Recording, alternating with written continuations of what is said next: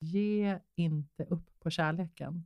Den kärlek som du förnimmer finns där och som din själ på djupet längtar efter, den är sann. Ge inte upp på den, utan gå, fortsätt gå och lär dig att skapa kärlek i ditt liv. Going Deeper är ett space där vi öppnar upp dörren till vår relation och tillsammans med våra gäster delar vi med oss av de mönster som vi själva har behövt bryta, de rädslor vi behövt möta och de nycklar som guidar oss till att skapa djupare och mer meningsfulla relationer. Vi är här för att ge nya perspektiv och tillsammans med dig vill vi gå djupare.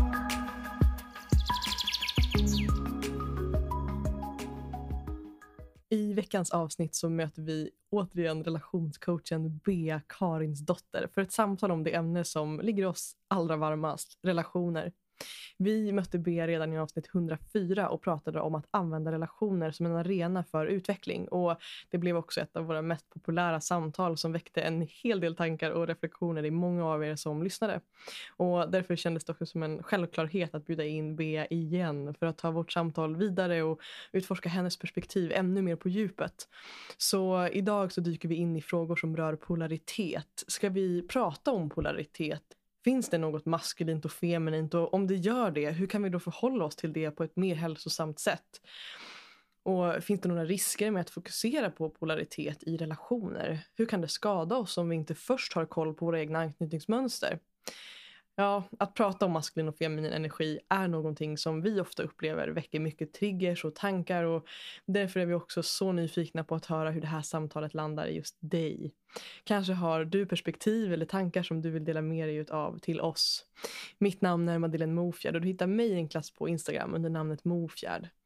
Det skulle också betyda så mycket om du ville dela en recension i poddappen där du lyssnar eller kanske dela det här avsnittet på din story och tagga oss din recension och dina delningar av de här samtalen är en viktig del för oss för att hjälpa oss att sprida de här samtalen och hjälpa fler människor att få uppleva mer meningsfulla och hälsosamma relationer.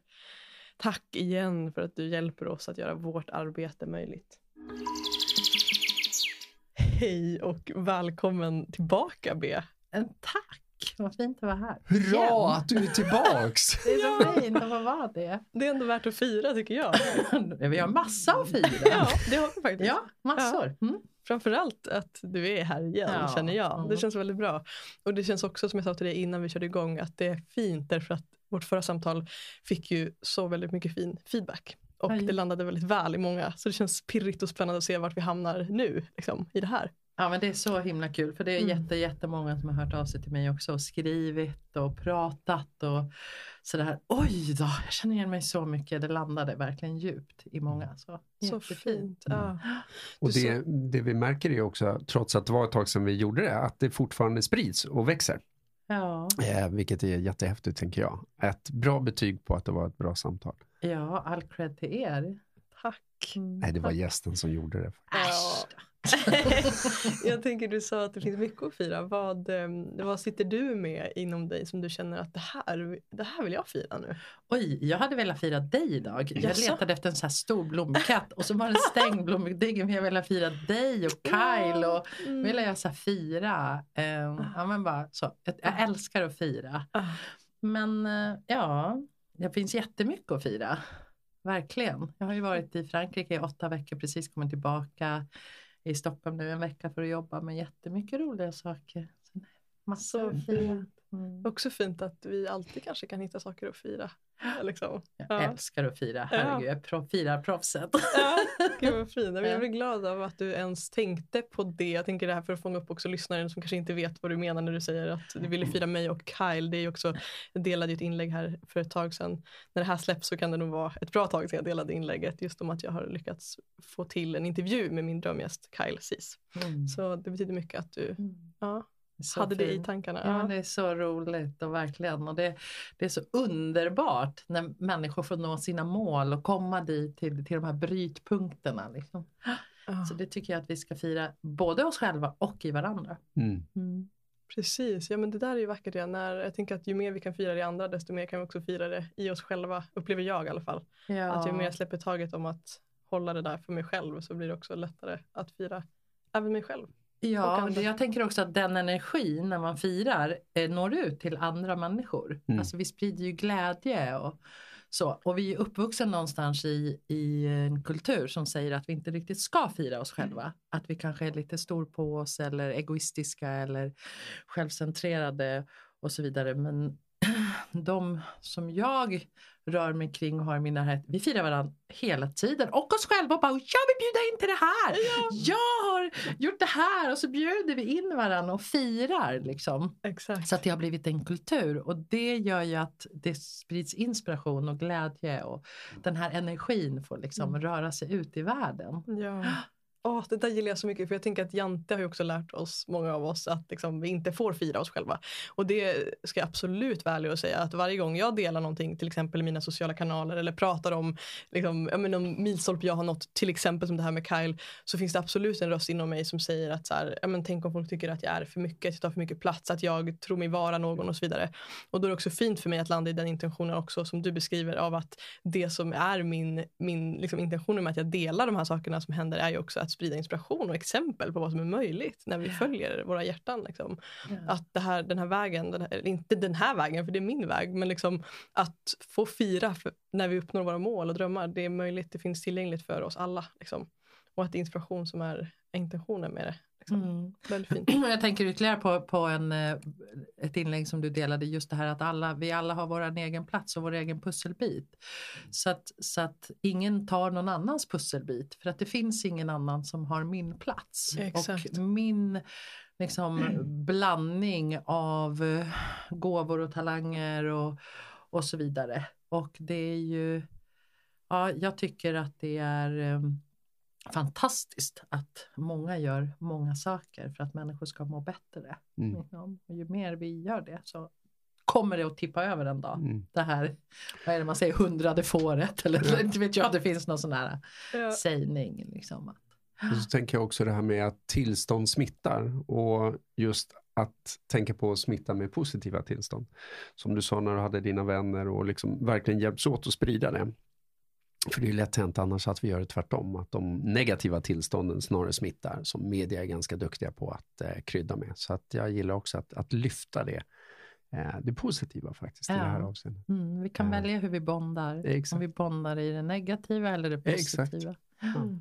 Mm. Men det vill jag också hylla och nu märker jag nu fastnar vi i det här. Det är också spännande. Så här, okay, vi skulle hamna i det här ämnet just nu i incheckningen. Just det att jag vill hylla dig också för jag ser det i dig som en otrolig liksom, styrka du har. Att också att verkligen hylla de människor du har runt dig. Jag upplever att eh, du har varit väldigt fin på att hylla mig och Peter också i vårt arbete, vilket är väldigt vackert utifrån den här idén om att som jag tycker mig se ofta att vi kanske är rädda för att hylla folk som gör typ samma sak som oss eller befinner sig i liknande liksom, spår, har samma liksom, um, utifrån en rädsla av att men, om ni gör det här också så kanske ni tar, tar någonting från mig kopplat till kanske motsatsen till idén om att vi alla har varsin pusselbit att fylla och hur du har varit så fin där på att verkligen peppa, stötta och verkligen hylla det arbete vi gör när du skickar dina julmeddelanden att så, fy fan vad grymma det är, jag älskar att vi är fler som gör det här och det är så fint och det är unikt och jag älskar det med dig, mm. det är så mm. fint. Mm, tack men, för det. Ja men tack. Men alltså, jag tror på det. Alltså, om vi ska förändra eh, världen, om man får tänka så stort, ja. så tänker jag i alla fall att mitt bidrag och Theos bidrag genom Training for Love det är att hjälpa en person i taget och inspirera och ge hopp.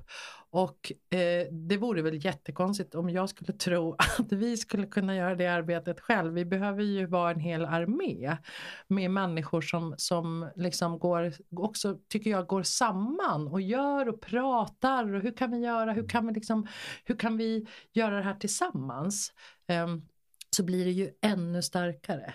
Tycker Exakt. jag. Mm. Ja, 100 procent. Så pepp på er. Ja. Pepp på alla som, gör, som, som liksom försöker sitt allra bästa i vad man än gör. Fint och nu tänker jag nu är vi redan igång och ändå så skulle jag vilja veta hur det känns att vara Bea idag och hur, hur mår ditt hjärta i just idag? Oj, Mm, jag har som sagt varit utomlands i åtta veckor tillsammans med Theo, min eh, partner. Jag har varit i, på franska rivieran och toknjutit verkligen. Och vi kom hem för precis en vecka sedan och det har varit lite omtumlande att, att känna så här, oj, är det här min plats? I Ockelbo på landet på en bondgård med vinter och mörker utanför. När jag har liksom gått i sandaler och ätit glass vid havet. Så, att, eh, så det har varit lite omtumlande. Men jag känner mer och mer att jag har landat nu. Så att jag skulle vilja säga att hur jag mår i mitt hjärta så känner jag mig väldigt rotad. Jag träffade min bästa kompis Jenny igår eh, efter alla dessa veckor. Och hon har varit i, precis varit i LA och träffat sin syster eh, som bor där. Och, eh, och vi sa båda två så här, Nej, men det är skönt att komma hem och vara i, i, i vår egen rot. För där har jag ett annat flöde. Så jag känner också att nu kommer mitt flow tillbaka igen. Där det har varit mycket inspiration och så liksom input i Frankrike så nu kommer flowet tillbaka och vi båda kunna konstatera det. Så här, Shit, det är som att du har verkligen vår rot i Sverige. Så att jag, men jag landade i hjärtat, rotad. Mm, känner så här, till, mycket tillit. Tillit, jag gillar det. Mm. Jag har hört dig säga det förut också i mm. andra sammanhang. Mm. Och det är ett fint ord och jag tror vi kommer komma tillbaka till det sen också. Eh, så tack. Generositet och tillit är min, mina mm. två värdegrunder, mina starkaste värdegrunder som jag bär hela tiden mm. i livet. Mm. Fint. Mm. Jag tänker att i vårt förra samtal när vi möttes så dök vi in totalt i hur vi kan använda eh, relationen, vår relation, alltså inte vår relation utan så här, varje relation, hur vi kan vara i en relation utifrån att också vilja skapa en arena för att växa och utvecklas tillsammans och även individuellt som kärlekspartners. Och um, vi kom också även in en del på liksom det här andliga växandet och det spirituella aspekten av att också växa som par och individer vid varandras sida. Och jag tänker att intentionen och, och min önskan med det här samtalet är att dyka in ännu mer i en aspekt som jag tycker är väldigt intressant när det kommer till just det här med att växa i relationer. Vilket då är polaritet och det maskulina, det feminina. Och anledningen till att att jag vill prata om det just med dig är för att jag upplever att du har perspektiv på det här temat som på många sätt kanske skiljer sig från det vi är vana vid när vi har eh, samtal om det maskulina och det feminina och polaritet och så vidare. Och um, när jag säger det så lägger jag också märke till att jag vet inte om det är att det skiljer sig men kanske att du går djupare jag än det som vi är vana vid. Mm. Att du har ett perspektiv som jag upplever saknas där ute. Och um, Ja, så att jag tänker för att fånga in lyssnarna i det så blir jag då nyfiken på att höra dig kort dela kring vad du tänker kring liksom maskulinitet, eller det maskulina och det feminina, feminina egentligen i relationer. Och vad ditt, ditt perspektiv, om du skulle sammanfatta det, är på just polaritet och det maskulina och det feminina i relationer. Vilken stor fråga, det här kan vi ägna hela podden åt. det, det var den frågan vi ska ställa. Ja, det var den frågan vi ska ställa. Ja, men jag skulle vilja backa bandet ett steg innan jag kommer in på det. Och det är så här, ehm, jag vill backa tillbaka till det här jag nämnde alldeles nyss om ditt inlägg med att vi alla har en plats. Eh, vi alla har vår pusselbit. Vi är här för, det är min livsfilosofi, man må dela den eller inte, men min livsfilosofi är att min själ eh, är här för en anledning. Och jag vet, djupt, djupt inne i mig så finns det liksom ett DNA-frö som vet det här. Och jag behöver komma i kontakt med det för att göra min livsresa så att jag känner att jag har levt min, liksom, mitt syfte på jorden. Det är min livsfilosofi. Eh, andra kanske inte delar den, men det är så jag lever mitt liv. Det är så min partner delar mitt liv.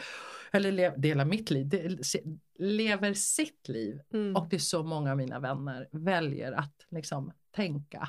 Och det här stöttar vi varandra i.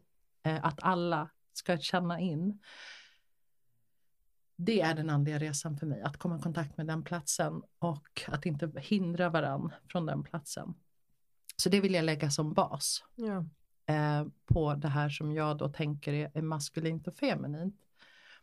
När vi har en otrygg anknytning eller ett medberoende så tappar vi bort oss och vi glömmer bort den vi är i våran innersta, innersta kärna. För vi letar kärlek och bekräftelse utanför oss hela tiden. Vi tittar efter andra, hur andra gör och försöker kopiera för att få vara med i gänget när vi är tonåringar, när vi är äldre, i en kärleksrelation men kanske också på jobb och så vidare. Vi, vi lämnar oss själva. Ju äldre vi blir och vi, eh, det, det här fortgår, desto mindre kommer vi ihåg den här inre kärnan. Så när man då lägger polaritet på det här och jag och min sambo har ju varit in, tok in i det här i så många år. Vi, har liksom, vi träffades ju i den tantriska svängen och community och så vidare. Vi har liksom full on lekt med det här. och full on liksom tittat på det här tillsammans, individuellt, som par och så vidare. När vi har en otrygg anknytning så vill vi ju hela tiden veta hur ska jag vara? Hur ska jag vara för att passa in här? Hur ska jag vara för att passa in här? Och så är det i alla mallar. Så om vi då tar maskulin energi och feminin energi för någon som har trygg anknytning så kanske det är lite lätt att leka med och man kanske tar det med en nypa salt. Om man tar feminin och maskulin energi för en person med medberoende och otrygg anknytning, vad tror ni kan hända då? Mm. Man kan gå full on vilse i det här. Ja. Att som kvinna känna då till exempel, oh jag ska vara så här för att vara kvinnlig, för att få bekräftelse, för att få uppmärksamhet, för att vara sexig, för att så. Jag ska vara så här för att vara manlig, jag ska mm. stå stark och jag ska... Och sen så kanske det bara eskalerar ett medberoende och eller en ambivalent anknytning där man gör, vänder ut och in på sig själv för att inte bli lämnad. Eller en undvikande anknytning som är liksom grottmannen liksom, identifierat. Så, att, så alla teaching som finns där ute finns det så himla många olika lager i. Och när man är omedveten, liksom, det har ju jag också varit, när man inte är medveten om sina sår så köper vi ofta in på det här som ytterligare ett sätt att få bekräftelse på. Och jag har sett så många mm. människor gått vilse och skadat sig själv så mycket för att man liksom har lekt med det här och så har det bara eskalerat. Man har dragit Liksom, nu sitter jag och visar med händerna. Man har liksom dragit det feminina åt ett håll och det maskulina åt ett håll. Och så har det eskalerat ens dysfunktioner snarare än att komma samman, vilket det maskulina och feminina kan göra också och läkt tillsammans. Mm. Så att det är liksom, jag skulle säga att, att det är liksom om vi tittar på de feminina aspekterna för dig som lyssnar som kanske inte liksom, vad är det de pratar om? Så, så om vi bara tänker så här, om vi hjälps åt mm. och tittar på det. Det som kallas för feminint, det är ofta det som är mjukt. Mm. Det är sårbarhet. Vad är det mer som ni skulle säga? Inkännande. Ja. Inkännande, ja. Precis. ja omhändertagande. Mm. Mm. Lyssnande. Liksom. Ja, ja, precis. Så, också det maskulina då. Målinriktade, handlingskraftigt. Disciplin. Ja men precis. Kör. Ja. E exakt. Så att vi har ju vi har det feminina, om vi säger det, det mjuka, som är liksom det mjuka. Om, om vi säger att jag får höra då att det feminina är omhändertagande och jag är medberoende. Och så vill jag vara ännu mer feminin. För att jag rör mig i kretsar där det har en hög status att vara feminin. Mm. Då börjar jag ta hand om ännu mer. Det var det här som hände med mig så jag mm. blev så sjuk i. Och Theo som har en undvikande anknytning, han skulle vara målinriktad och fokuserad och lite vända sig bort ifrån relationen och göra mm. sitt life purpose och göra sin grej. Liksom. Um, och det här gjorde oss, alltså när vi, bör, vi börjar praktisera det här, vi, vi, när vi gör någonting då gör vi det full on. Alltså ni anar inte, ibland bara skrattar vi och bara folk, mm. om folk visste vad vi håller på med. Då liksom så här, oj nu provar vi det här och så gör, gör, vi det full on och vi gjorde det i flera, flera år. Och vi fick det aldrig att funka. Bara, men vad är det som, mm. vad är problemet? För att det fanns liksom det var inte, jo men det var jättemycket sexuell attraktion mellan oss. Men det här att riktigt på riktigt öppna hjärtat för varandra, det, det skedde inte. Utan vi lekte och hade jätte, jättebra sex på det här. Och det är ju helt fantastiskt. Det är liksom en som för och en som följer. Um, men vi försökte ha en hel relation utifrån det här och vi var lärda det och jag är ju också, har varit väldigt, väldigt mycket ett David Deida-fan som är en av liksom, fadersgestalterna till det här med polaritet och, och skrivit väldigt mycket böcker om det och sådär. har varit och träffat honom i USA och liksom gått kurser och sådär. Och jag är mästare på polaritet. Jag kan bara shup, du vet, gå in och, och, ta min maskulina eller min feminina energi. Men vi växte inte. Det var en lek för oss. Jag förstår du, vi kunde använda det som en lek. Men Men det var inte, det, det, det eskalerade faktiskt våra anknytningsproblematiker. Mm. Så jag vill bara liksom ja. Mm, pajar hela podden. Men... Nej, nej, herregud. Det, det, ja, vi får lägga ner. Vi får starta ett nytt spår. Ja, men kan ni hänga med att Absolut. det kan hända? Ja. Yes. Ja. Och det är det jag tänker att jag är nyfiken på också, det här, just det här alltså aspekten av hur en medvetenhet om det här potentiellt kan hjälpa oss ja. i relationen. För det vågar jag, vågar, eller har jag en vald sanning om att det kan. Och också tänker jag det, det perspektivet du är inne på också, hur det också faktiskt kan skada oss. Mm, om vi inte har rätt grund i det.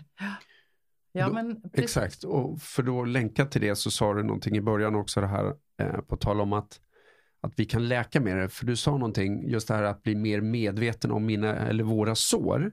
Eh, och då är jag nyfiken på hur kunde du och Theo jobba med det? För att jag tolkar också att det tog ett tag innan ni också började förstå vilka sår ni hade och hur ni kunde använda polariteter för att läka just det. Mm. Vad, när kom det in och hur började det? Skulle jag...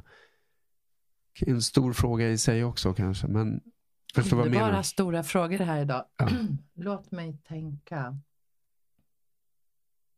Om jag backar bandet och så ger jag lite mer bakgrund. Mm. Eh, vi träffades när vi praktiserade tantra, jag och Theo, eh, som ni vet. Som många vet om oss, så hade vi varit kompisar två år innan. Eh, och det här med polaritet, det var en jätte, jätte liksom, stor del av våran tantriska practice tillsammans.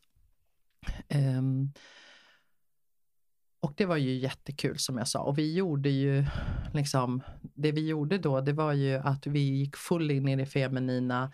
Men i det feminina handlade väldigt mycket om att följa då. Och det maskulina skulle leda det feminina. Och det här gjorde vi, men vi reversade också så att jag ledde Theo och Theo ledde mig. Alltså det spelade liksom ingen roll över kön. Men i det community där vi befann oss eh, så var det väldigt könsbaserat. Att det var ju männen som skulle bli mer maskulina och det var ju kvinnorna rent generellt som skulle bli mer feminina. Det är ju liksom ingen snack om att det är det som pågår där ute. Sen eh, kraschade ju Eh, jag först och främst, om jag pratar om mig, Theo får prata om sig om han vill vara med i någon podd. Men jag kraschade ju så djupt i mitt medberoende och för att jag befann mig i de här communitieserna där man praktiserade det här så hårt. Och jag, tappade, jag kom längre och längre ifrån min intuition och min kärna och mitt kall och började liksom, ja ja ja, prova tusen olika saker och det är det vi gör när vi är otrygga. Ja men om jag provar det här då? Och om det här då? Och det här så kanske jag blir bra liksom så. Och så handlar allting egentligen om att skala av och komma hem till oss själva, till våran kärna. När jag började jobba med mitt medberoende så upptäckte jag en helt annan form av feminin energi i mig. Jag, upptäckte, jag kom tillbaka till min intuition. För det kan man ju också säga, många säger att intuition är det feminina, logiskt tänkande är det maskulina. jag kom tillbaka till en djup, djup intuition i mig och, och, en, och en visdom som är liksom på en cellnivå som inte, ens, som inte egentligen skulle jag säga är min visdom utan en visdom som jag har tillgång till när jag skalar bort bruset. Så. Det finns någon form av uppkoppling, någon form av liksom väv som vi, vi alla liksom kan tanka hem information i. När jag eh, tillfrisknade från mitt medberoende så började jag känna att jag hade en rytm i min kropp som inte var lik Teos. Men jag hade levt i samma rytm som Teos, alltså den manliga rytmen.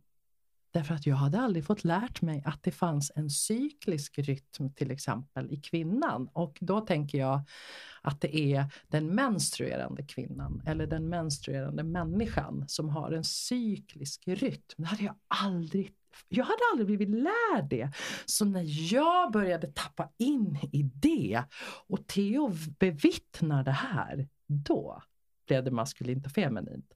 Men på en sån djup nivå där han kunde hämta hem min visdom och liksom tillåta mig att röra mig i livet i en helt annan rytm än honom. Och, och, och det är ju liksom, alla är lärda den maskulina rytmen. Om jag liksom, nu generaliserar jag och hårdrar det för att det ska bli enkelt. Men vi är, ska målinrikta och presta, prestera och allt är linjärt. Men för en, för en eh, för mig som kvinna, om jag bara pratar om mig, så är jag inte linjär. Jag, jag är cyklisk. Det liksom beror helt på vart jag är i min menscykel, hur jag mår. Jag, jag, har, jag driver ju hela vårt företag helt cykliskt idag. Och om inte jag hade kommit i kontakt med det så hade inte jag kommit i kontakt med min liksom, inneboende visdom. Jag hade inte kommit i kontakt med min kärna. Och eh, Theo hade aldrig fått uppleva det djupa, djupa feminina i sitt liv. För att vi hade lekt sexuell polaritet här uppe när det är så här djupt. Och jag vet att när jag pratade med dig första gången Peter så jag bara Ja, ja, ja, det där med sexuell polaritet men det här med det feminina det är ju sju gånger djupare än vad du någonsin just nu idag förstår. det är för att det är så yes. djupt. Det är så djupt så att jag är ju på min egen resa. Mm. Så att om vi då stannar här uppe liksom i och bara leker maskulint feminint utifrån en sexuell aspekt. Ja, men det, det håller ju hela samhället på med hela tiden att kvinnor ska vara på ett sätt för att vara sexuellt attraktiva och män på ett annat sätt och herregud hur vi både ska klä oss och se ut och whatever. Liksom. Um, då missar vi de djupare lagren, både för män och kvinnor naturligtvis. Liksom. Det här är ju en gemensam resa. Så när jag tillåter mig att gå djupt, djupt ner i det feminina i mig så kan Theo skörda det i sig. Han får bevittna det som han aldrig har bevittnat en kvinna förut. Som är bara så här Holy macaroni! du liksom som inte har med attraktion att göra på det fysiska planet utan som har en, har en sån här basresonans som man bara oh, hmm, det här känner jag igen någonstans ifrån. Och utifrån det kan man praktisera tantra. Mm. Alltså det är mycket djupare tantra än de här liksom, yes. Yes, play. Mm. mm. Så. Och där lever vi våra liv och praktiserar vi. Ja, men jag tycker det är intressant för jag upplever ju också att, att det finns en sån här Alltså att vi människor, och jag säger verkligen vi människor för jag upplever att det är något mänskligt drag. Liksom. Jag vet inte. Men att det finns någon också bild av att det måste vara så mycket antingen eller ofta i många sammanhang. Att antingen är det på det här viset eller så är det på det här viset. Det är väldigt svart eller vitt ofta för många människor. Och det tycker jag också är intressant om man tittar på en liksom Alltså för nu pratar vi dels både om liksom maskulin och feminin energi men vi pratar ju också faktiskt om könen, liksom, män och kvinnor. Och där kan jag uppleva att det det är lätt att vi hamnar i att män måste vara så här. Och så har de ett protokoll som de följer. Och så, så har vi kvinnor ett annat protokoll. Och sen så finns det ingenting som liksom för oss samman eller det finns ingenting i mig som kvinna som tillåts ha någonting av det maskulina inom mig och så vidare. Och på det sättet så skulle jag ändå säga att, de här, att, att medvetenheten om de här energierna har hjälpt mig i mitt eget liv att förstå att jag kommer från en bakgrund där jag har varit väldigt mycket i kontakt med min maskulina energi. Hela sättet jag drev mitt företag på var baserat egentligen i mål, i liksom fokus, disciplin. Eh, det var liksom eh, schemalägga mig själv. Men alla de här grejerna som är väldigt förknippade med det maskulina. Vilket var jättevärdefullt för mig i början av min resa. För det har ju tagit mig med mod och, och liksom stora kliv framåt och så vidare. Jättevärdefullt. Och samtidigt så kom jag också till en plats där jag upplevde att gud vad det här är fattigt mig. Liksom. Det finns en aspekt jag missar här. Och där upplever jag att det har hjälpt mig att, att se det som in, energier inom mig. Att jag har den här, den här maskulina energin inom mig som jag behöver kliva in i ibland för att ta vissa steg. Och så har jag även den här feminina energin som jag också vill värna om, som jag också vill kliva in i och som du beskriver kopplat till menscykeln, kopplat till massa aspekter inom mig. Som för mig inte handlar så mycket om det här liksom jag vet inte, det här sensuella, det vi tänker att en kvinna ska vara, så gå runt med pennkjol och vara liksom, eh, plisa min man. Det handlar inte om det. det handlar, och jag tänker att där resonerar jag mycket med det du beskriver om det intuitiva, att komma hem till mig. Det är där jag hittar den, så här, det vilsamma. Um, på något vis. Och jag vet inte egentligen vad kärnan i det jag försöker säga är, men jag tror någonstans handlar, väl om, handlar det väl om det här att, att jag också någonstans vill påminna de som lyssnar och mig själv om att vi har ju det här inom oss. Allt, det maskulina, det feminina, det är en dans inom oss hela tiden. Mm. Eller jag vet inte, vad händer i dig när jag delar det? Liksom? Jo, men jag, och jag tänker också så här, måste vi överhuvudtaget kalla det för maskulint och feminint? Alltså, Ja, precis. Så Mm. varför har vi satt dem? Et de etiketterna är ju mänskliga etiketter som är ett mänskligt koncept. Eh, jag har inte sett, och jag har frågat verkligen mina forskarkompisar så här. ehm, finns det forskning, för det, det är ju allt, det är konstaterat att allting är energi. Finns det forskat på att det finns maskulin energi och feminin energi? Och de bara skrattar. Nej, varför skulle det finnas det? Ja. Vadå maskulin och feminin energi? Säger de. Det är ju ett koncept som vi har sagt, oh, de här mjuka sakerna, de är feminina. Det är ju någon som har hittat på det över ett glas vin någon gång i tiden. Och så, så kallar vi det här för maskulint. Liksom, det är, ju, det är ju ett mänskligt koncept som vi liksom, som jag tror också förvirrar människor. Ja, 100 procent. Om, om vi tittar på, om vi bara tittar på motivationssystemen i hjärnan så har vi ett, ett upptäckarsystem som är dopamindrivet. Och det är väldigt, om man då säger maskulint, om man skulle sätta det. Och sen har vi det trygga systemet som är oxytocindrivet, som är mer det feminina om man säger det. Men ja, det är det gröna och blå systemet eller det är det, det nu är jag i, i upptäckar eller nu är jag i vila. Alltså, Ja. att våga säga så här, vadå maskulint feminin? Vem är det som har suttit över glas vin och hittat på det där Mm. konceptet? Mm. För att det förvirrar så mycket. Ja. Ja. Och jag vet ju era tidigare samtal, vadå maskulint och feminint och manligt och kvinnor Mm. och, och folk blir förbannade, de Mm. känner sig inte sedda, de känner sig satta i fack. Ja. Vi, alla människor har allting i sig. Min, om vi ska komma tillbaka till mitt relationsarbete, min kärlek till Theo är att låta han upptäcka allt vad han är. Allt, det är inte jag som ska upptäcka det. Han behöver gå sin egen upptäckarresa och se allt vad han är. Och sen vad han vill sätta för etikett på det, ja men det är ju Mm. upp till honom. Så. Men så länge det ligger etiketter på honom som han försöker leva upp till, då går han lite vilse. Mm. Så länge det ligger etiketter på mig så går jag lite vilse i mitt medberoende och min otrygga anknytning. Det är Ja. bara det jag vill säga. Mm. Så här, oj, sluta gå vilse, sluta, sluta försöka haka upp er på massa koncept. Ja.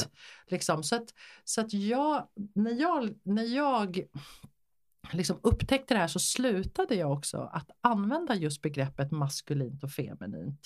Och det var liksom så här, det här var ju så långt före, nu är det ju en våg igen av det här, men det, den här vågen har ju hunnit gå, ebba ut och sen nu kommer den igen. Och, och ett, jag och Theo bara, men vi måste sluta säga det här för, det, för det händer någonting i våran hjärna. Det är liksom någonstans är det som att Ja, ja, men okej, då ska Bea vara lite mer åt det feminina och Theo ska vara lite mer åt det maskulina. Men tänk om det är hans bur och min Mm. bur. Ja. Så. Jag vill Exakt. bara, Ja, men jag gillar det. in. Ja, men jag gillar det och någonstans så blir det ju, tänker jag, alltid en utmaning och kan bli ett problem när vi väljer att verbalisera saker.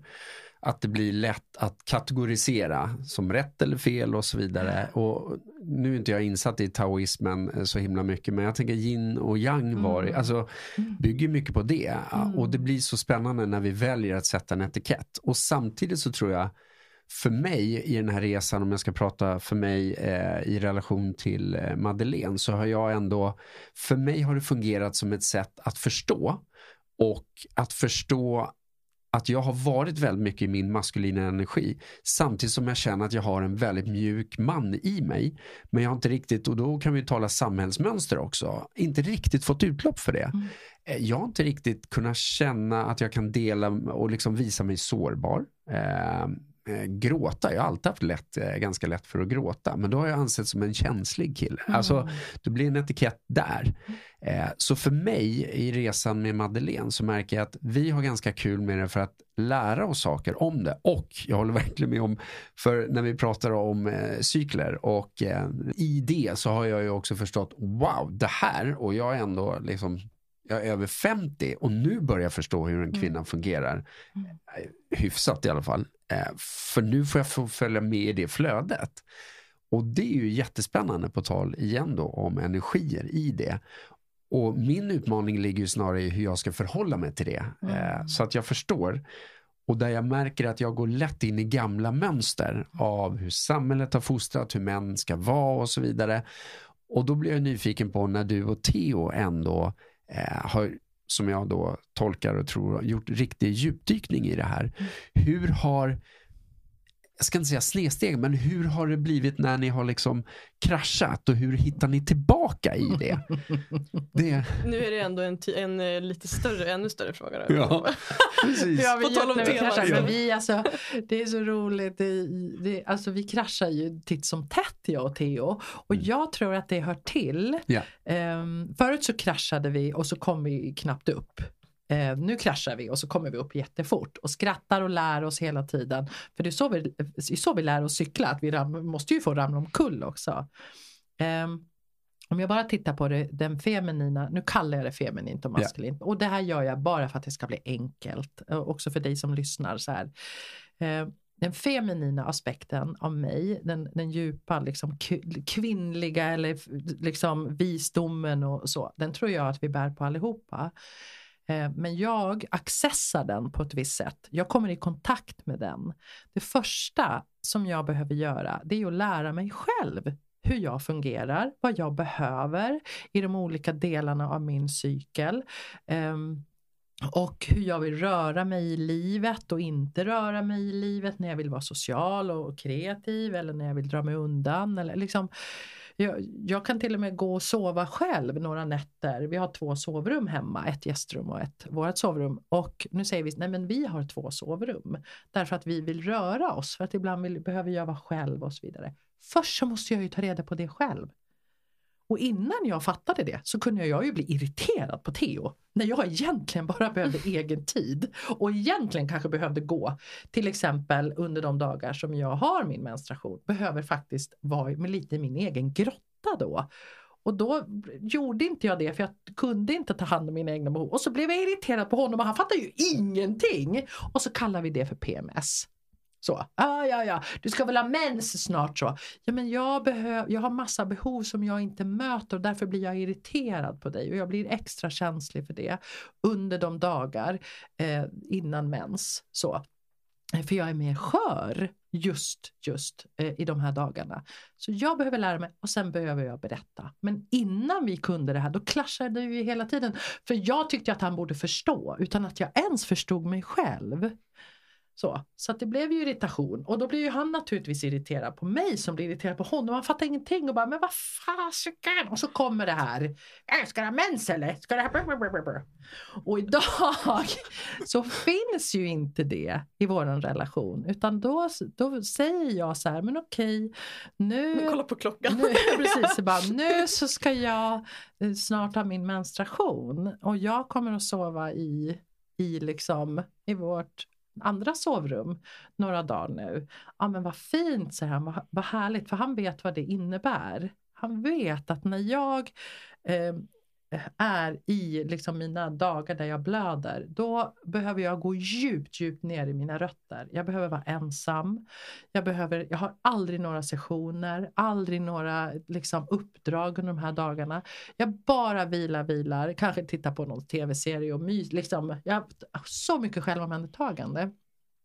Och i det, och det här finns ju böcker skrivna om det här, i det så tankar jag hem. Jag får alla mina visioner. Bara boom, boom, boom, boom, boom, boom. Liksom tredje dagen ungefär, då bara då är det som att det öppnar sig så mycket.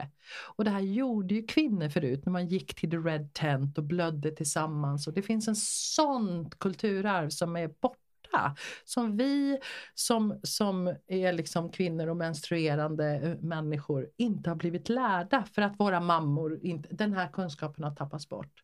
Men jag är så glad att jag har fått återlära mig det här, hur jag kan använda min menscykel. Och då håller Theo sig borta. Bara, wow, better not disturb Bea.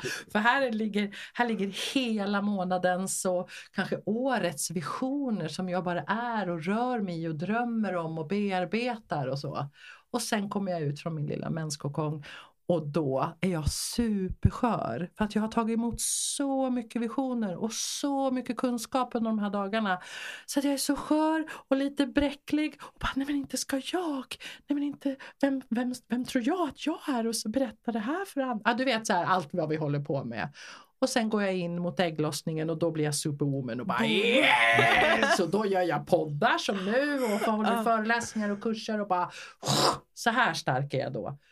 För att, och, så, och, så, och så håller menscykeln på så där. Många olika, och det finns jättemånga olika fina böcker om det här.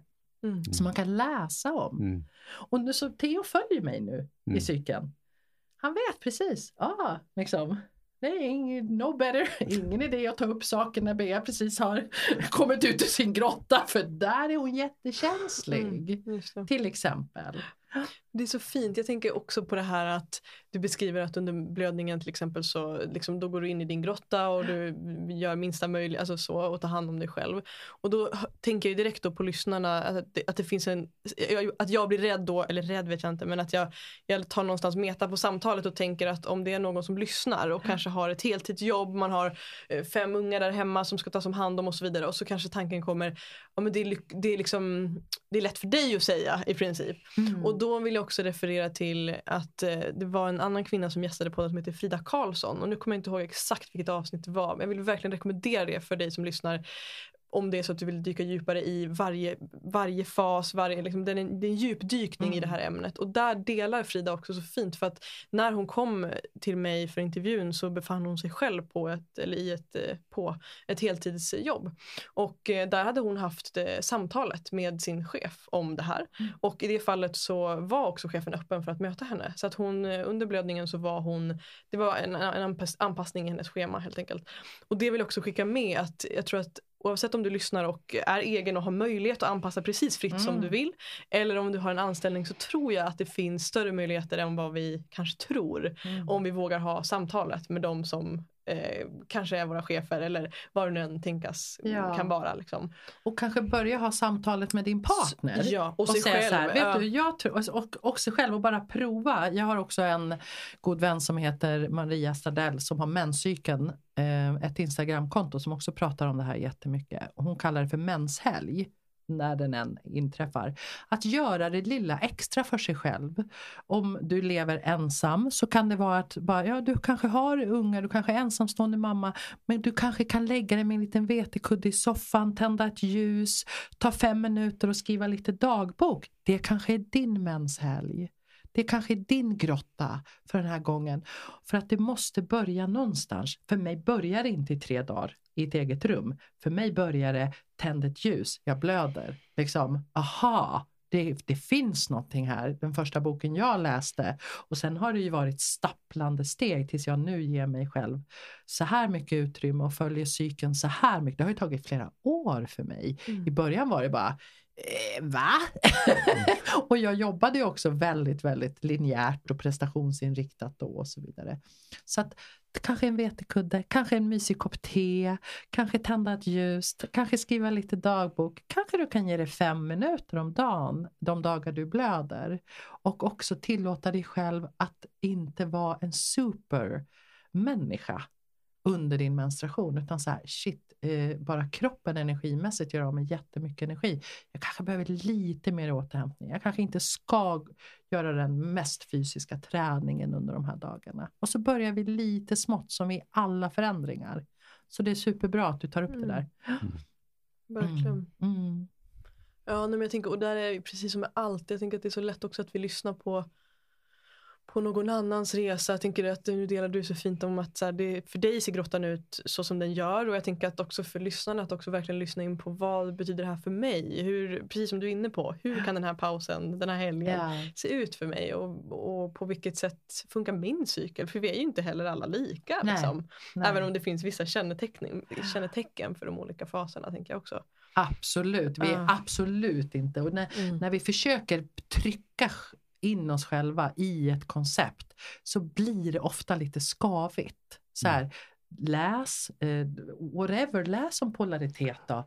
Men försök att titta på det lite, så här, lite kritiskt granskande. Lite, hur påverkar det här mig? Hur påverkar det här mig med mitt medberoende? Hur, vad, vad säger det här?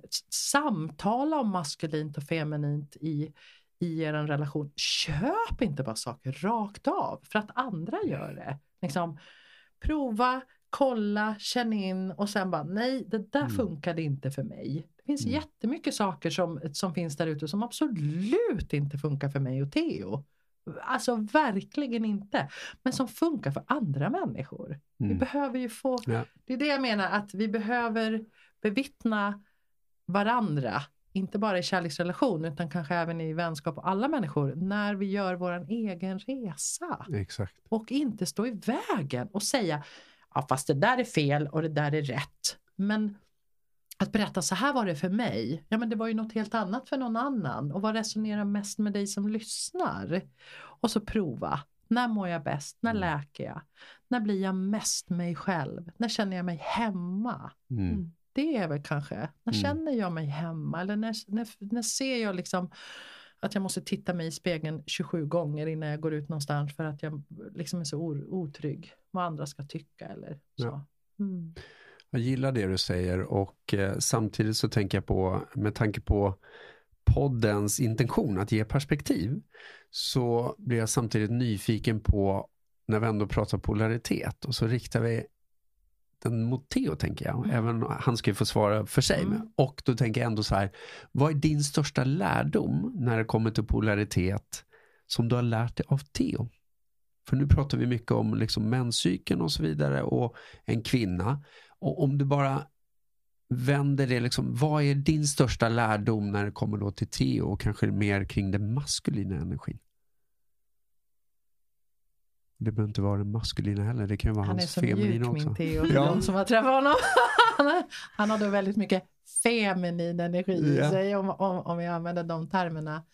Ehm, vad har jag lärt mig av Theo? Att allt behöver få samexistera. Mm. Att det inte är antingen eller. Att, ehm, att lyssna på honom och ta in hans perspektiv så som jag önskar att han lyssnar och tar in mitt perspektiv. Um, för att det går ju, det är ju lätt, i alla fall för mig, att liksom gå crazy eh, om, om mina egna liksom andliga vägar och bara det är bara intuitionen som gäller eller så. Och han bara va, jag fattar ingenting. Och så, och så säger ja ja men det är både och. Det är, det är aldrig antingen eller. Det är alltid både och. Det är alltid yin och yang eh, samexisterar. Det finns ingenting som är eh, bara en. Och det har jag verkligen lärt mig att få perspektiv av Theo. Han, han, han står ju där och låter mig cykla omkring i mitt liv. Och jag behöver låta han göra saker på sitt sätt. Och jag skulle inte säga om de är maskulina eller, eller liksom så, men han är ju han jobbar ju som strateg, han är ju oerhört logisk och strategisk och liksom så. Och inte på något sätt säga att det skulle vara konst eller att det inte borde vara så då, utan verkligen lyssna på hans perspektiv, ta in det fast jag ibland bara nej, min intuition säger något annat. Men att så här, okej, blanda, blanda, blanda, blanda, blanda oss. Vi blandar oss mycket, vad det än liksom. Och det här är ju vi kan skratta, vi pratar om det här så ofta, så här, shit vad vi har blivit bra på att ta beslut för att vi blandar oss. Det är liksom strategi och logik och intuition och känna in och vänta på liksom tecken och liksom båda två använder då fulla spektrumet av det maskulina och det fulla spektrumet av det feminina. Det är inte antingen eller. Det är inte antingen eller. Jag gillar det. Och blanda. Ja, och blanda så. Så. Men det som kommer till mig också, det är kanske helt ur kontext. Det är ju... Ja, det är liksom att det maskulina är inte hårt. Det skulle jag vilja Mm. säga. För mig är det inte på något sätt hårt. Men jag använder hårt Ja. och mjukt. Det är bara det är bara, det bara har en annan riktning. Liksom det, det, är, alltså det är så, de, de män som jag känner som är så djup kontakt med sig själv är så mjuka. De är så sårbara, de är så mjuka, de är så inkännande. De är så, det är de mest maskulina, härliga, klara, liksom logiska männen. Alla är så mjuka. Så att mm, det maskulina är ingen hulken person. Mm. Och det är så många som börjar med det här med polaritet som tror jag pratade med en, en man bara liksom, eh, för någon vecka sedan som är så här, ja men jag har hört att jag ska stå i mitt maskulina och liksom så. Och jag bara, men vad betyder det för dig? Och skulle du säga det till en 13-årig pojke att han ska stå i sitt maskulina när hans flickvän behandlar honom illa? Nej, för då, då, då hårdar man sig. Liksom, precis som att det är det som är det maskulina. Ja. Det maskulina och det feminina. Det är liksom, det vävs ihop. Mm. Men till slut vet man inte. Och det här har ju David Deida sagt så vackert. Till slut i utvecklingen så bryr man sig inte längre vad som är maskulint och feminint. Det är liksom i början där man börjar leka med det här för att utforska. Vilket jag än en gång tycker är fint. Men till slut så bara, ja men vem bryr sig vad som är maskulint och vad som är feminint? Kan vi inte bara säga att det här är mänskligt och de här egenskaperna är starka i mig och de där är i dig och, och så är det. Mm. Liksom.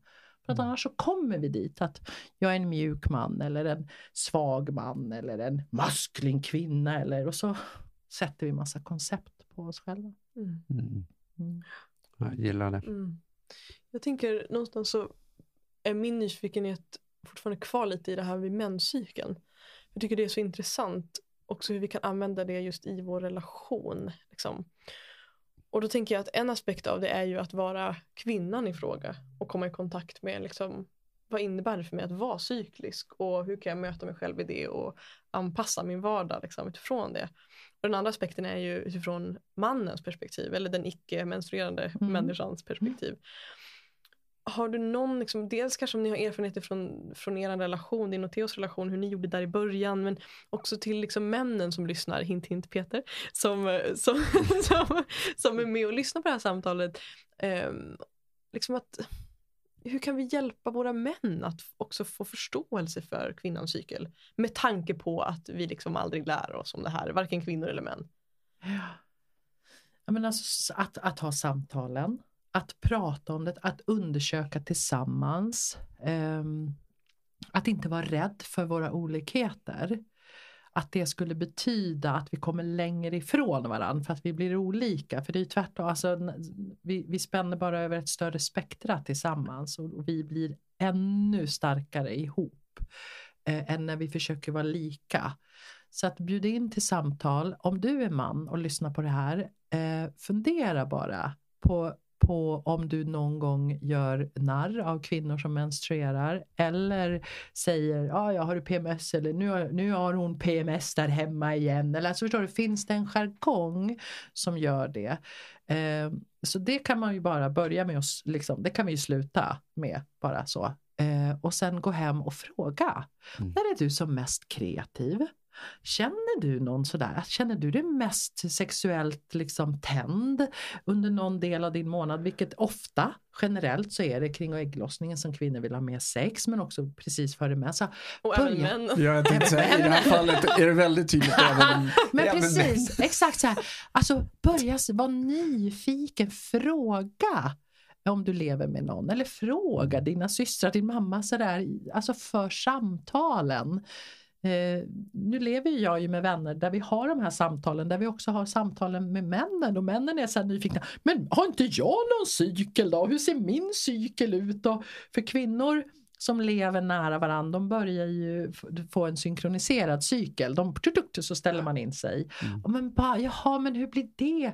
Vi som lever ihop hela tiden, har vi någon cykel? Alltså sådana där samtal har ju jag och Theo och försöker undersöka. Så det tänker jag är var nyfiken. Det är mm. så mycket vi inte vet. Det är så mycket vi inte vet. Att bara, bara vara mm. öppen för det. Mm. Och fråga. Liksom, har du någon tid på, din, på månaden där du känner dig extra skör? Ja, då kanske det är jättebra att inte ta upp ekonomifrågor just mm. i de yeah. dagarna. Utan man väntar lite. Eller liksom försök att baka ihop er så att det blir skönt att leva tillsammans. Mm. Jag tror det är jätteviktigt och håller verkligen med du säger, det här med att bjuda in till samtal. För jag kunde också känna igen mig, även fast vi försöker jobba mycket med det här, att jag fortfarande har en AHRPM. Alltså att ja. jag reagerar så ibland, ah, är du där nu i din fas? Eh, där jag nog skulle önska att jag själv och att vi hade mer samtal. Att du vet, nu kliver jag in här och nu skulle jag kanske behöva mer av det här av dig. Och det tycker jag vi blir bättre och bättre på, men vi har fortfarande en resa att göra där. Att och för mig är det fortfarande så nytt, för i tidigare relationer har jag inte, alltså det har nästan varit lite så här tyst om i vilken fas vi är i. Mm. Eller vi har inte pratat öppet om det. Eller vad, vad behöver min partner då? Eller vad, hur kan jag stötta på bästa sätt? Så att jag tror just det här med att bjuda in till samtal är så jäkla viktigt. Ja. Kommunicera. Eh, för annars är det lätt hänt att jag också tolkar vad Madeleine behöver. Och framförallt ofta då misstolkar. Mm. Eh, Ja, och så håller ju jag på mot Theo också. Så det är inte bara, jag behöver ju också frå- vad behöver du Theo? Vad, vad liksom, det är ju en ömsesidig kommunikation hela tiden. Att där vi är nyfiken på varandra. ja. Och jag kan bara säga så här, för mig så funkar min menscykel så här. Att fem dagar innan min menstruation, då går jag eh, in i min mest klarsynta tid. Jag är så fruktansvärt klarsynt. Det är bara som att allting bara fuff, kommer upp på bordet. Så har det legat någonting under månaden och skavt lite i våran relation. Så helt plötsligt så ser jag det supertydligt. Det kommer upp till ytan. Och jag, jag kompromissar inte längre. För det är som att här, allt som har stått i vägen, jag kan inte hålla på och ta med mig något skröfs in i min lilla grotta. Så allting behöver vara rensat så ingenting står i vägen för de här visionerna som vill komma till mig. Och innan jag och Theo lärde oss det, men nu kan ju han använda det. Du som är så klarsynt nu, kan inte du kolla på det här? Yes! Och så använder mig i min klarsynthet Mm. under de här dagarna. Alltså så att det blir en styrka för relationen. Precis som jag kan gå till honom i en annan tid och säga så här, du jag, känner mig superskör nu och inte alls, skulle du kunna liksom du, kolla på det här? Alltså att vi använder varandra när vi liksom, Mm. Mm. så bara det. Att se kanske tiden före mens, menstruationen som Wow, nu ska det rensas bort. Det som har legat och skröfsat i relationen. Och att det är en gåva då eh, kvinnan i det här fallet kommer med. Som säger mm, du jag har tittat på det här. Det här skaver lite. Kan vi titta på det här nu? Och då bara yes, det är den tiden i månaden där det ska storstädas lite. Och det är så många av mina kompisar som känner samma sak. Som blir så klarsynta där det ska, nej nu behöver det städas innan jag ska. Mm. eh, Hur man än eh, gör när man blöder. Just det. Och jag gillar verkligen det perspektivet av att, att liksom skifta perspektiv från att cykeln är emot oss till att den är med oss och den är där för oss. Vår cykel är här för att, att, att den är för oss. Liksom. Den är här med kärlek för oss och det upplever jag också att jag har hört mycket kvinnor liksom, och, och människor i min närhet, eller inte människor utan kvinnor då, eh, som har kastat sig med det om att så här, åh gud kan inte bara alltid få vara liksom, på topp typ. För att vi är så indoktrinerade i det här samhället där vi alltid förväntas vara på topp. Och då blir ju cykeln indirekt ett problem för oss för då kan Exakt. vi inte längre leva upp till det där. Liksom. Ehm, och den tycker jag är, är fin liksom, att belysa. Det du är inne på, att cykeln är faktiskt här för oss. Den hjälper oss. Det finns massa styrkor med varje fas och vi behöver få vara i det. Liksom. Och det upplever jag är, ja, det är häftigt. När vi landar i det. Att så wow, finns något vackert här. För det kan jag också känna igen mycket. Jag vet att Frida också som var med i det förra avsnittet om menscykeln. Hon kallade det, jag kommer inte ihåg exakt ordagrant, men just att det är liksom sanningens fas de här dagarna Mm. innan. Ja hon innan kallar det för det. Ja, Ja, att det, Ja, att det är då liksom sanningen kommer fram. Exakt. Och jag upplever det dels i vår relation men sen framförallt i, i mig. Att det jag går runt, alltså det som har det som har skavt i mitt liv under månaden blir väldigt tydligt, precis som du beskriver. Det går liksom inte att blunda för. Och det kan vara liksom jag vet, det kan vara väldigt vackra känslor också som jag kanske har stängt undan för att jag har varit i min liksom, doer mode och helt plötsligt så gråter jag för att jag saknar min pappa uppe i Umeå. Eller jag liksom, alltså det finns saker som jag inte ens har tänkt på som kommer upp. Exakt. Liksom, som är, eh, ja det är så vackert. Liksom. Ja. Man saker också som man behöver slutföra. Det är en slutföringsfas. Ja. Om du tittar då på 28 dagar som en naturlig menscykel är. Eh, så är det så här, ja okej då har jag visioner och sen så vågar jag gå ut i världen igen och sen bara, bara manifesterar jag jättemycket och sen ska jag slutföra. Jag stänger ju ofta in mig själv. Alltså så här, stör inte mig, jag har massa saker, jag måste slutföra här inför eh, nästa fas. Och vissa projekt är ju jätte, jättelånga men det är också i relationer. Jag känner jätteväl igen mig i att det inte bara är saker som skaver utan så här, men gud, jag har inte pratat med den här på jättelänge och åh, det är liksom, det är massa saker i det där. Så jag tänker så här, för dig då som lever med en kvinna Peter, liksom, hur skulle du kunna använda Maddes sanning, klarsynthet, alltså hennes in, det, det där finns ju i hennes gener. Ja. Att det blir så här, wow, nu kommer min lilla häxa fram. Hur ska jag kunna Exakt. använda henne i vårat life purpose och i våran relation och liksom så. Jag blir lite avundsjuk just nu. Jag känner ni har cykler och jag, ja, men vad har jag för cykler?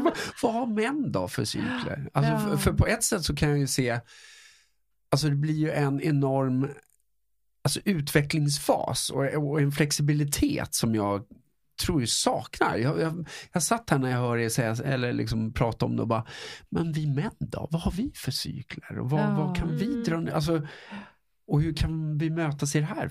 Har vi några cykler? Jag har vad? ingen aning faktiskt. Jo, men mannen Alltså, har väl, jag tror att jag, alltså, är det inte så att man, alltså att vi kvinnor har liksom 30, typ hur många dagar nu en Ja, menscykel är och 28. mannen har, vad är det, 20, alltså på riktigt 24 Mm. timmars hormoncykel. Ja, men precis, att med testosteron och och Just liksom det, Alltså, så men grejen. precis. testosteron. Ja. Att det, att det, det är Exakt. cykeln. Ja, Ja, okej. Jo, precis. just det. Det har jag Ja. mer Mm. hört. Att det jo, är men det har jag också, dygn. precis att det är en Mm. dyngcykel och Mm. där är det ju också jättefint att vi, det här pratar jag och Theo om också, liksom, den testosteroncykeln som män kan Mm. befinna sig i.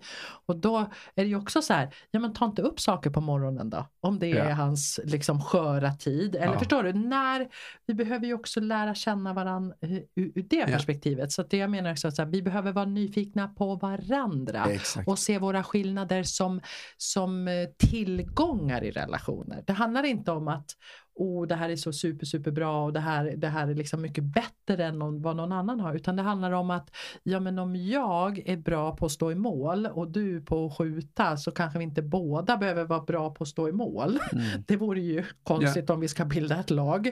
Men att hedra varandra och Just säga det. ja, ja, men okej. De här eh, kvaliteterna är liksom en gåva in till våran skatt, Mm. gemensamma skattkista. Och det är ju naturligtvis så att du Peter har ju extremt många gåvor in till er gemensamma skattkista. Konstigt vore det inte. Ni har ju liksom, men att hedra varandra. Men om man tittar tillbaka på de maskulina feminina Ja. egenskaperna där vi var i början. Mjukt, hårt, maskulint, feminint, grönt, blått, whatever vi vill kalla det på. Så har ju i det samhället vi lever på, har ju de feminina egenskaperna klassats lägre och de manliga högre. Mm. Det har varit en jättestor grej i vår relation. Att vi måste klassa dem lika, det måste vara en balans mellan Mm. de här. Och det här, nu sitter jag så här och viftar med händerna, det kan ju inte ni som lyssnar se. När vi jobbar med polaritet i början, det här ska jag visa er. Men när vi jobbar med polaritet i början så är det att det är det maskulina som ska leda det feminina. Det är liksom den generella sättet att leka med polaritet. Ja. Så. Eh, och då så är det sexualitet, sexuell polaritet vi leker med. Alltså att skapa en att, stark attraktion mellan den som leder och den som följer. Det här gör man jättemycket i tantra. Men det som, det som vi, jag och Theo upptäckte, det var att det, när vi då um, slutade att det var det maskulina som skulle leda och det feminina som skulle följa. Och vi började i liksom göra en liksom jämlikhetssatsning i vår relation där ingenting liksom vägde tyngre. Intuitionen var inte bättre än logiken men logiken var inte bättre än intuition utan det var båda två. Då började jag och Theo uppleva någonting som vi kallade för divine polarity Mm. när vi gick så här. Mo, alltså vi var helt i jämvikt, helt i balans. Yin och yang är i balans, de är inte så här. Mm.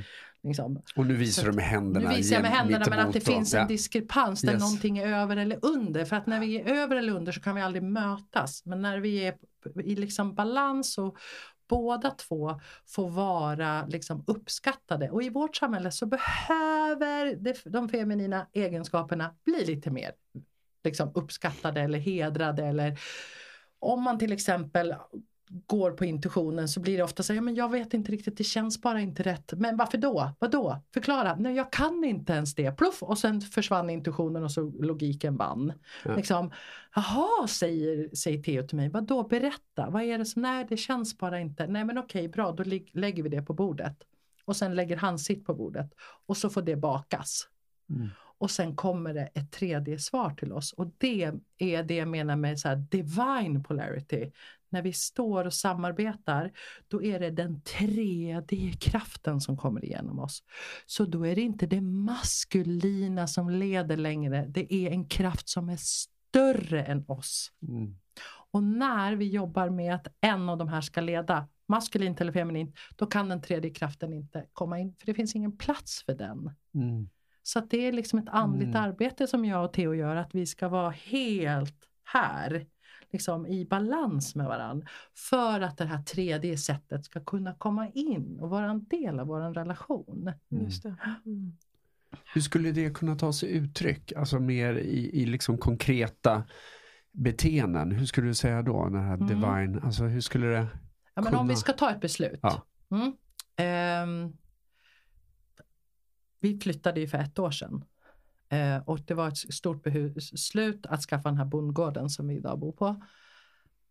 Då så får intuitionen, alltså magkänslan, den som inte man kan sätta ord på. Det yeah. känns bara på ett visst sätt i kroppen. Eller yeah. så här, men jag bara vet. Har ni någon gång känt det? Mm. Så ja, men jag bara jag, vet ja, jag att jag ska träffa den här människan. eller jag bara vet att jag ska ringa. Så här, så men någonting liksom drar i mig som jag inte kan förklara logiskt vad det är.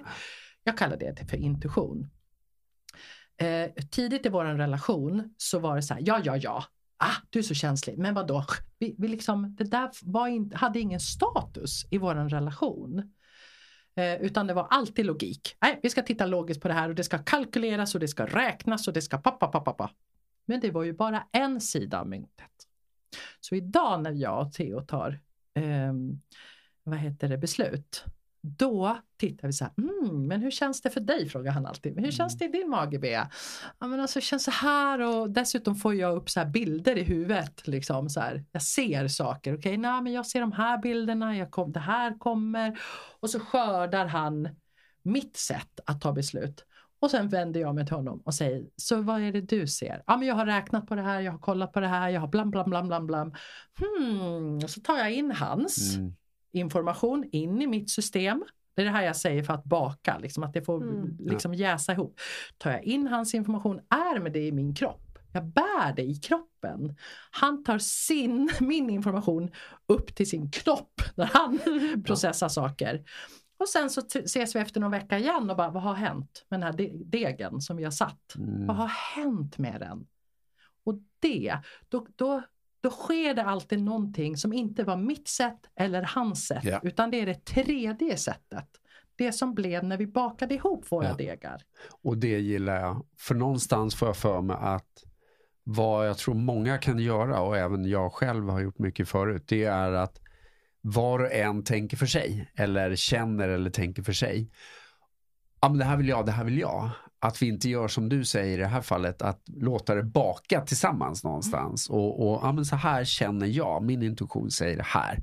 Vad säger, alltså jag älskar mm. det, för det är också att lyfta upp det på bordet och göra det väldigt tydligt vad det handlar om mm. innan vi fattar beslutet. Mm. Så att, ja, jag gillar det. Och det är ju det som är storheten i att vara, vara i en relation. Att man får tillgång till, till liksom en dubbel, jag brukar säga en dubbel macka. macka. Det är liksom så här, det är inte bara jag längre. Liksom, utan vi är ju två själar, vi är två, liksom, två människor med visdom och intuition och logik. Och det blir, vi kan ju ta mycket större beslut, mycket modigare beslut det, när vi får tillgång till varandra. Det är ju det som också är storheten att jobba i en grupp. Att så här, wow, det händer ju saker, till exempel i en kreativ process. Om vi har en kreativ process och ska skapa något ihop och jag sitter och håller på det jag tycker, då hindrar jag den kreativa processen. För att det blir alltid, Madde säger något, jag säger något, du säger något och så blev det något helt annat. Men vi nådde inte dit förrän alla var på, liksom allas energier hade blandats. Och så, så jobbar jag och Theo jättemycket medvetet med varandra. Mm. Fint. Mm. Tack Mm. för konkretiserande. Jag Ja, älskar det det. gillar jag verkligen när det blir exempel. Ja. En utmaning jag själv känner i vår relation och med tanke på hur mycket vi försöker jobba med just polaritet är i relation till anknytningsmönster. Mm. Och varför jag skulle vilja ta upp det här som en fråga är för att jag själv ibland blir osäker. Och för att ta ett exempel. Ibland känner jag att jag behöver gå ifrån ett litet tag. Om jag och Madde har ett gräl eller någonting inte. Då känner jag ibland att jag behöver gå ifrån. Och enligt då eh, en bok då i alla fall som jag gillade för att den pratar om eh, våra hormoner i hjärnan. På tal om John Gray och Beyond eh, Men from Mars and Ah. Women from Venus. Där han pratar mer om liksom, våra hormoner. Så handlar det väldigt mycket om, och där jag tyckte jag kände igen mig i, att jag behöver någonstans gå in i min grotta ett litet tag för att egentligen bygga upp mina testosteroner igen. För att kunna möta Madeleine. Och, och det har känts bra. Samtidigt så blir jag så här lite osäker för att jag kommer ju också från en anknytning, ett anknytningsmönster av mer undvikande. Och då blir jag osäker ibland. Vad är vad? Eh, är det mitt anknytningsmönster som slår till eller är det att jag egentligen behöver Är du med på frågan? Jag fattar, den är en jätte, jättebra fråga. Och Så- det, ju, det kan man ju inte svara på. Nej. Alltså det finns ju inget svar. Men man Så kan laborera med Ja. det. För jag tänker att, att det finns ju, om vi har en, en otrygg, mer undvikande och lutar åt det hållet i vår anknytningsstil så behöver vi processa känslor ensamma. Det är vårt go-to. Eh, vi behöver också lära oss att processa liksom, i relation. Um, och då så behöver man ju vara väldigt ärlig mot sig själv. Är det så att jag flyr nu eller är det bara så att jag behöver decompress, alltså, alltså processa mina känslor lite nu för att jag klarar inte det.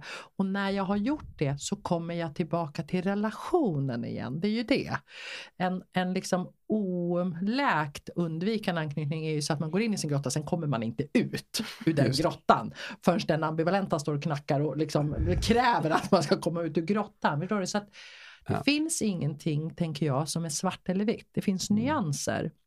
Och det här är ju din liksom, personliga resa. Att känna Mm, Ja. Nu stannar jag lite länge här för att hämnas lite på Madde. Eller nu har jag processat färdigt och nu kan jag möta med ett öppet hjärta igen. Vi behöver ju göra olika saker för att kunna möta Ja. med ett så pass öppet hjärta att jag, så här, ja, men jag kan i alla fall lyssna på dig. Men jag och Theo tar pausar, vi går ifrån varann, vi tar pausar i diskussion, vi fysiskt kanske behöver lämna rummet för att vårt nervsystem är aktiverat. Mm. Och då blir jag ingen trevlig person, det kan verkligen Theo. Nej, och det, liksom det, jag är där också. Ja. Ja, så, att, så vad är vad? Det är det här vi behöver lära känna varann i och att, och att berätta då, vet du så här funkar jag Ja. i den här relationen till exempel med Madde och dig. Där, Madde, jag funkar så här, jag behöver dra mig undan nu bara tio minuter.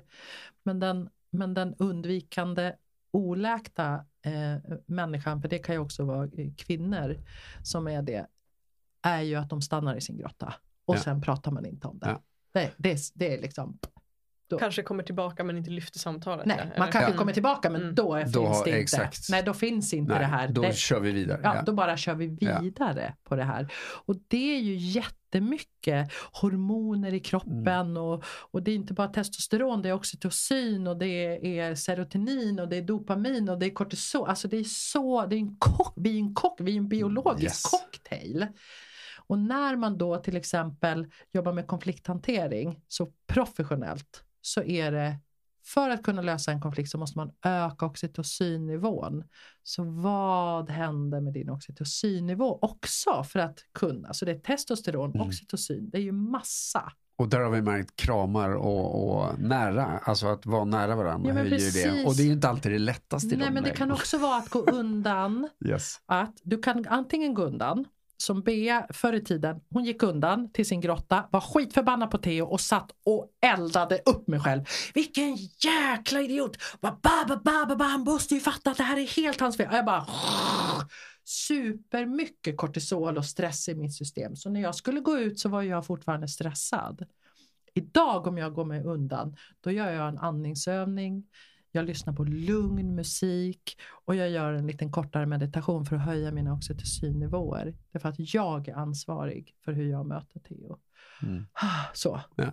Så, så att Ja, du behöver liksom, Yes. det här är finstämdhet Mm. där du behöver checka dig själv. Vad är det som händer i mig här egentligen? Ja. Och drar jag mig undan, därför att om jag stannar hos, hos Madde nu i det här fallet, så börjar jag supergråta och jag, och jag kommer att och bara kollapsa och det vill inte jag att hon ska se. Eller är jag skit... Alltså, det är Ja. så... Nej, men, och jag fattar att det, Ja. det är mycket, och, och för mig handlar det också om ibland där att när jag blir riktigt arg och då kommer jag från mönster där jag inte ens visar min ilska Nej. riktigt. Och, eh, men jag kände igen också det här att ibland kan jag nog stanna i rummet lite längre också för att straffa. Ja. Alltså att, att det blir en intention. Ja, men precis. Och samtidigt så lär jag mig hela tiden och, och ett bra exempel tycker jag var när vi var på, eh, ja, nu tappar jag det, eh, vad heter det, Ellery.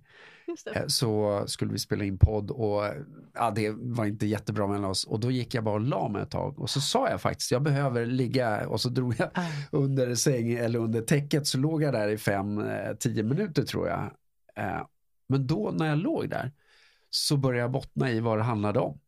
För jag kunde inte känna Nej. vad det handlade om Nej. och då är det lätt att jag projicerade på Madde. Exakt. Så jag behövde de tio minuterna men vi var i samma rum och jag kommer ihåg att efter det sa det Går det nu? Ja men nu, det var det här det handlade om. Då kunde jag sätta fingret på det.